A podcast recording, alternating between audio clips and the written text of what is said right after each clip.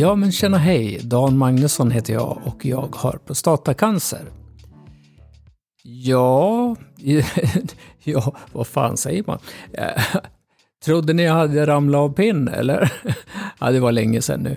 Men jag har ju faktiskt haft semester.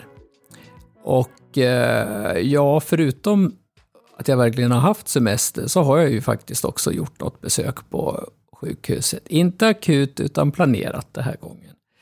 Eh, men jag tänkte idag, ja, först och främst så bara konstatera att det är, ju, det är ju härligt att ha semester. Och jag, ibland så börjar jag fundera, varför går jag egentligen och jobbar? Jag skulle lika gärna kunna vara pensionär. Men jag tycker ju att det är eh, bra att det är del av ett sammanhang och jag, jag vill ju också fortsätta att utveckla mitt eh, företag. Men, men när man är så här liksom fem och en halv vecka, då tänker man ju, ja, men tänk om man bara skulle ta och ägna sig åt sig själv och sin egen hälsa. För jag, jag får ju ofta frågan då, hur mår du? Och det är jättesvårt att svara på. Jag kan säga så här, det beror på om jag är själv eller om jag har min fru med mig. För hon märker ju, hon får ju liksom ta del av min vardag på ett helt annat sätt. Så är jag själv och det är någon jag inte känner så bra så säger jag jo det är jättebra så här. Och, så, ja, och tittar man på liksom min prostatacancer så är det väl egentligen, allt är väl i sin ordning då, så mycket som man vet kan man ju säga. Men sen har jag ju det här med pirr i benen och alltihopa och eh, ja, vad det nu beror på. Det har ju liksom också lagts till lite yrsel på det här också.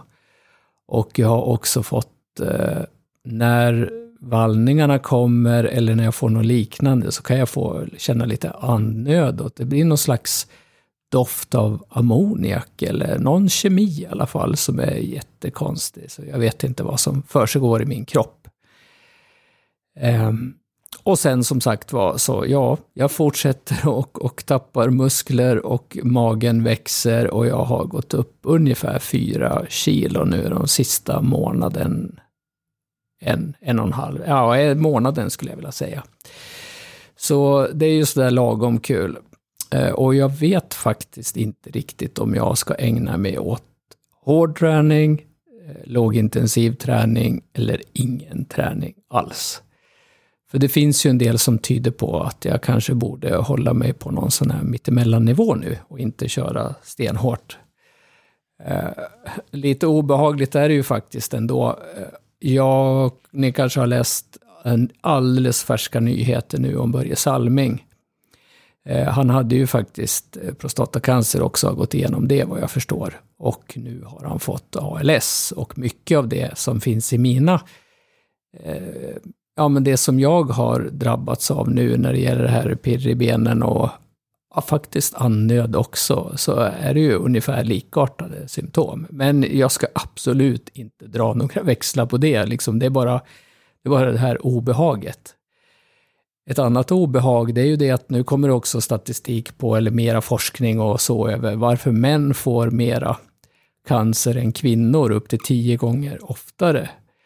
Och, och det man också då tar upp det är ju då framförallt då strupen och eh, rimblåsa. Och ja, strupen, jag har förändringar i min strupe, cellförändringar som inte har visat sig någon cancer eller någonting. Men däremot så vet jag ju jag känner ju till åtminstone ett fall där, där prostatacancer, när den väl har spridit sig, så har den satt sig i strupen. Och då har man ju inte sådär jättegoda odds. Eh, inte, inte för att leva 15 år i alla fall, eller 10, eller vad man nu har för mål. Eh, och det andra med urinblåsan, ja det var väl där min far hade den spridda cancern innan han dog då, av någon anledning. Eh, okänd vilken. Så att, ja men lite sådär kan man ju känna nu då. Och eh, och det är ju liksom den här tröttheten och jag vet inte, det har gått lite upp och ner under semestern. Semestern har varit kanon, men eh, min egen fysik och hälsa, jag vet faktiskt inte vad jag ska kunna svara på det. Men åter till det här besöket nu som jag gjorde. Jag besökte alltså kontaktsköterskan Micke. Eh, och det var väl egentligen bara ett samtal. Jo förresten, han fick mina prover också. Jag hade lämnat in prover. Och, ja, och det var väl egentligen ingenting mer än ett snack kring det. Och sen ett glömt värde som, som jag också har varit och tagit och inte fått någon feedback på ännu. Eh, jag har heller inte fått någon feedback på den här mätningen av mina, när man mätte eh, reaktioner på min nerver i benen och sådär. Eh, och det borde jag kanske ha fått båda de här, men det har jag inte fått. Och jag var mer än det då. Nej, men det är bara att konstatera det att man kanske ska ha lite längre perspektiv på hur, när man ska känna sig någorlunda frisk eller dra några slutsatser efter en sån här strålningsperiod. Då. Eh, åtminstone sex månader bör man nog vänta innan man kan säga någonting egentligen. Eh, och då är jag ju kvar med det här med mina pirr i benen och lite halvdomningar och ja, öm under fötterna och ah, det känns ju sådär ändå, liksom, tycker jag. Eh, och jag skulle också vilja, jag tänker ändå när jag är inne på det här så, eh, vi är ju liksom i valtider nu. Och Eh, sjukvården har ju fått en plats hos vissa partier i, i alla fall. Och det låter väldigt mycket som att ja, man är så säkra på, eller en av de argument som de flesta för, det är liksom att pengarna ska gå till vård och inte till något annat. Och då kan man ha olika perspektiv på det där. Ja, men det ska inte gå till något företag som hyr ut eh, stafettläkare till exempel. Det är väl liksom vänsterargument. Och, eh, och de konservativa brukar ofta ta liksom att ja, men det, är, det är liksom så svag regering nu så det ska vara mera effektivt. Det är väl bara att satsa på vården och sparka de här tjänstemännen som gör ett dåligt jobb. Och jag har väl ingen direkt eh, åsikt om det och hade jag en så skulle jag i alla fall inte berätta den. Men en sak så kan jag ju säga att när mina egna erfarenheter under de här två, tre åren, eller vi kan säga fyra när jag började med mina ljumskoperationer, det är ju det att när man väl får vård, särskilt specialistvård, då är den oftast väldigt effektiv och väldigt kort i tid. Och det skulle jag vilja påstå att oavsett om den är bra utförd eller dåligt utförd, så är det ganska, ja, men det är ganska effektivt. Det som däremot, som jag har upplevt som inte är effektivt, det är ju det här runt omkring. Det är rena, alltså det är ju liksom på någon 60-talsnivå fortfarande. Så om jag liksom snabbt skulle dra så skulle jag ju kunna säga så här, ja men skötte man det här tjänstemännen och fick liksom lite smörja i det här systemet och effektivt, då skulle ju också vården kunna göras mycket effektivare. För att det är, jag har ju massor med exempel på när det är jättekonstiga saker. Och, och framför allt det här med att skicka kallelser via papper som de envisas med hela tiden. Och ofta också understryket med tusch av någon människa för det som är viktigt, det man ska läsa. Och, och inte ovanligt heller att det, är väl, att det är fel i kallelserna.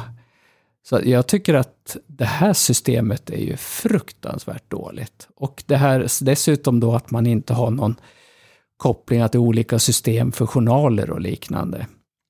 Och, och, för att inte tala inom olika regioner då. då. Eh, så nu har jag, jag var ju, eh, jag körde ju brachyterapi i Uppsala och fick frikort där fram till september.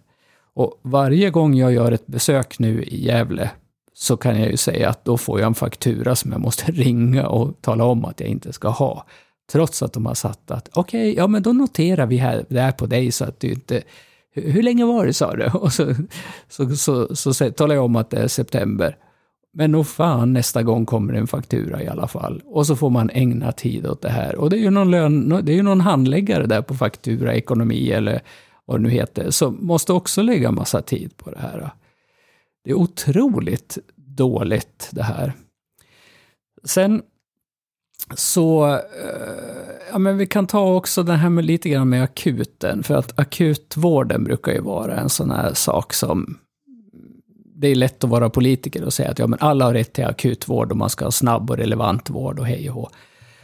Och eh, jag kan ju säga så här att just nu så har det ju varit, eller under hela eh, pandemin, då har jag i princip varit ensam på, på akuten när jag har sökt fem, tio gånger åtminstone, eller jag vill ha varit där i alla fall. Jag tror som mest att det har varit tre, fyra personer som har suttit där inne. Och den längsta tiden jag har väntat, det är tre kvart.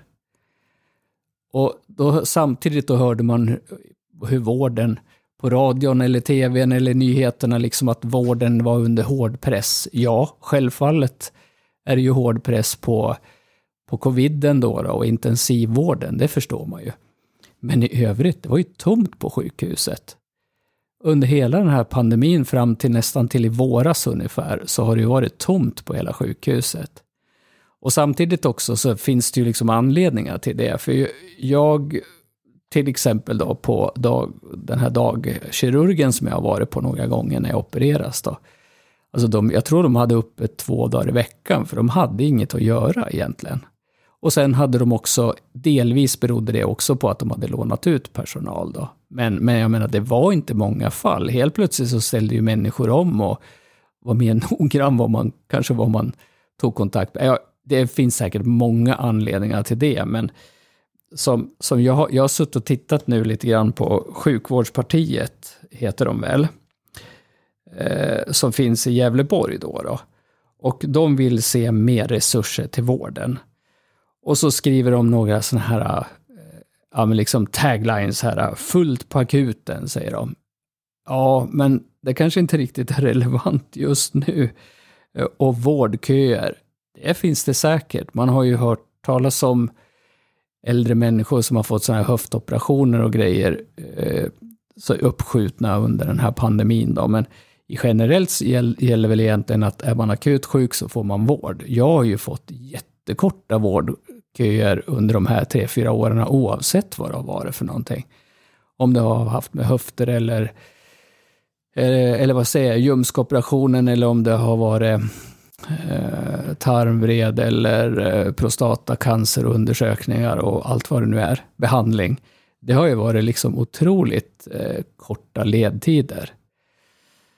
Eh, och sen då vårdplatsbrist. Ja, det kanske det också är, det har jag ingen synpunkt på. Personalbrist, det beror säkert på också.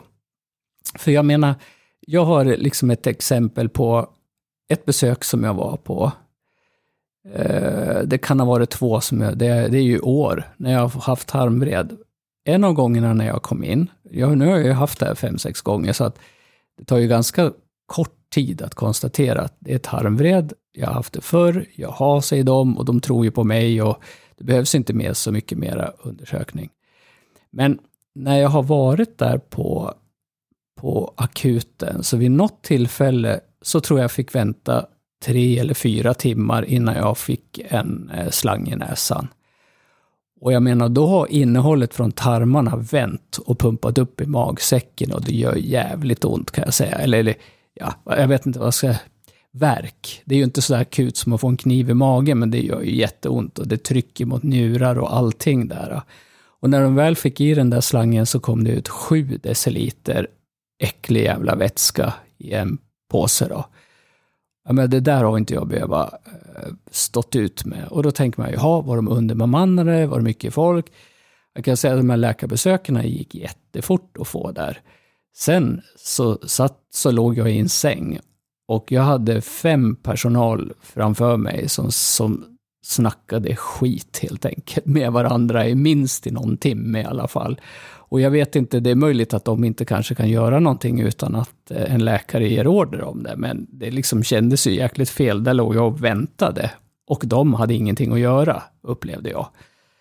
Eh, så så det finns ju liksom såna här planeringsgrejer som jag tror att det går att göra jättemycket om. Det har ju hänt också sen när man har kommit upp på den här på eh, vårdavdelning då, så att säga. MAVA eller KAVA eller vad det nu heter. Den akuten så har ju så här vårdavdelningar. Det är fruktansvärt mycket folk där. Men du får ändå hålla på och ringa på folk. Liksom.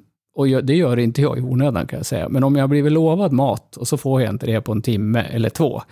Då måste, till slut så knallar jag iväg med min jävla påse och går dit och, och, och, då är det ju alltid liksom, det är så mycket sådana här missar, man har inte koll helt enkelt. Man har inte processer och rutiner som är särskilt bra, skulle jag vilja säga.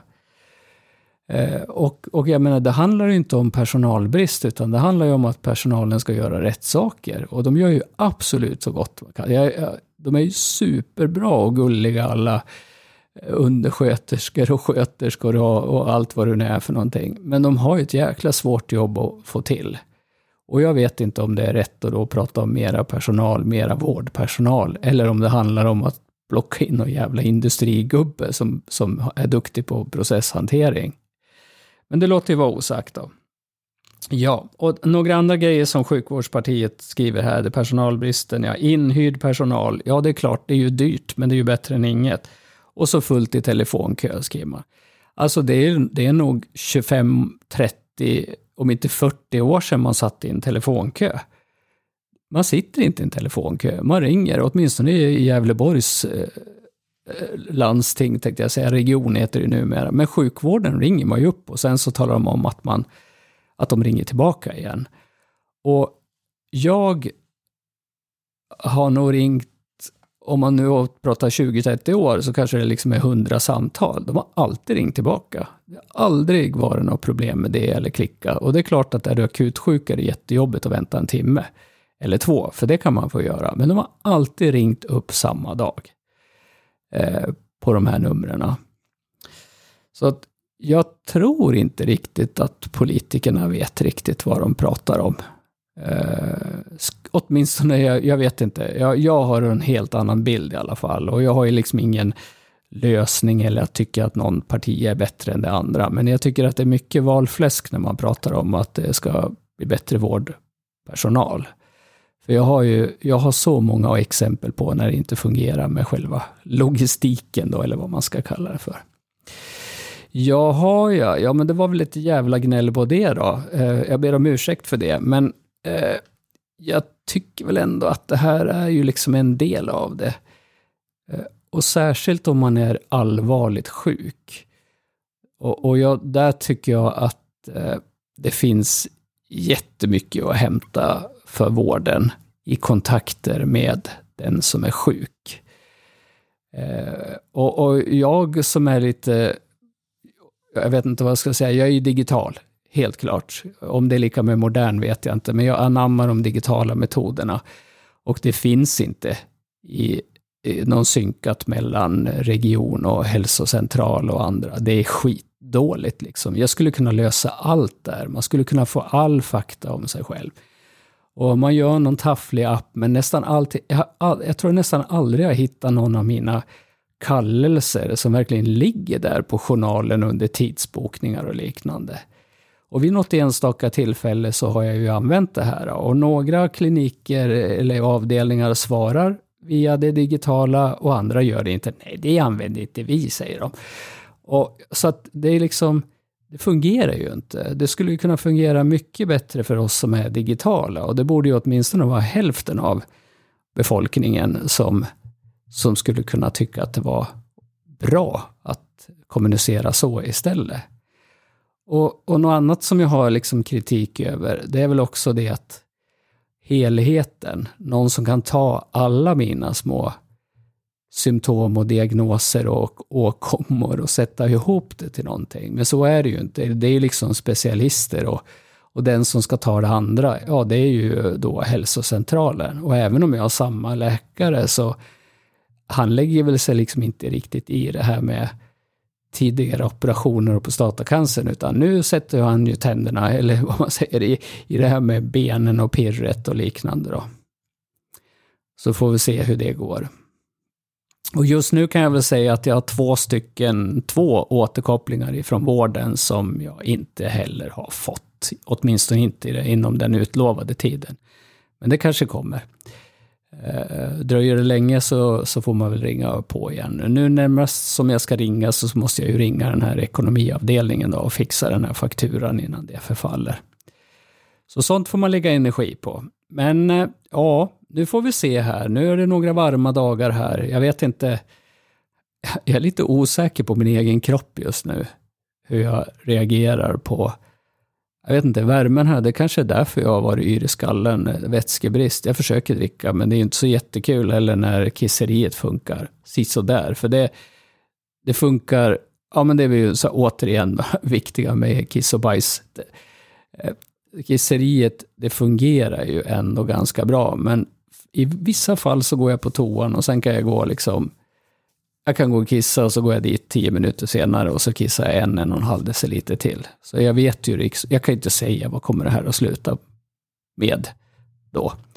Sen å andra sidan då, som i natt, så har jag varit upp en gång. Det var vid tvåtiden. Så jag sover liksom tre och en halv timme djupsömn har jag, typ så här 40 procent. Jag har ju sovit som ett barn. Jättebra. Eh, så att, och sen kan det vara någon annan natt när man är uppe liksom tre, fyra gånger fram till klockan två och sen klara sig. Så att det finns ingen... Min kropp är liksom upp och ner just nu och jag hoppas att jag blir bättre än vad jag är nu i alla fall. Jaha, ja. Ja, nu då? Ja, jag tänkte vi... Jag och min fru har ju... vi har ju haft semester tillsammans då. Eh, och hon började jobba en dag före mig. Eh, en kul grej i alla fall, det är att vi har skaffat eh, mountainbikes. Vi var hyrde mountainbikes först, först och hon tyckte det var jättekul. Ledsna lite grann på landsvägscykling. Så nu har vi köpt mountainbikes och det är väl en lagom pensionärssport. Eh, och det här tänker man ju olika på. Det är många pensionärer som cyklar mountainbike och andra tycker förfasas över det. Men tänk om man kör in i skogen och dör. Ja, säger jag då. Det skulle vara det optimala. Fan vad skönt om jag fick dö i ett motionsspår. Tjena hej, vi hörs.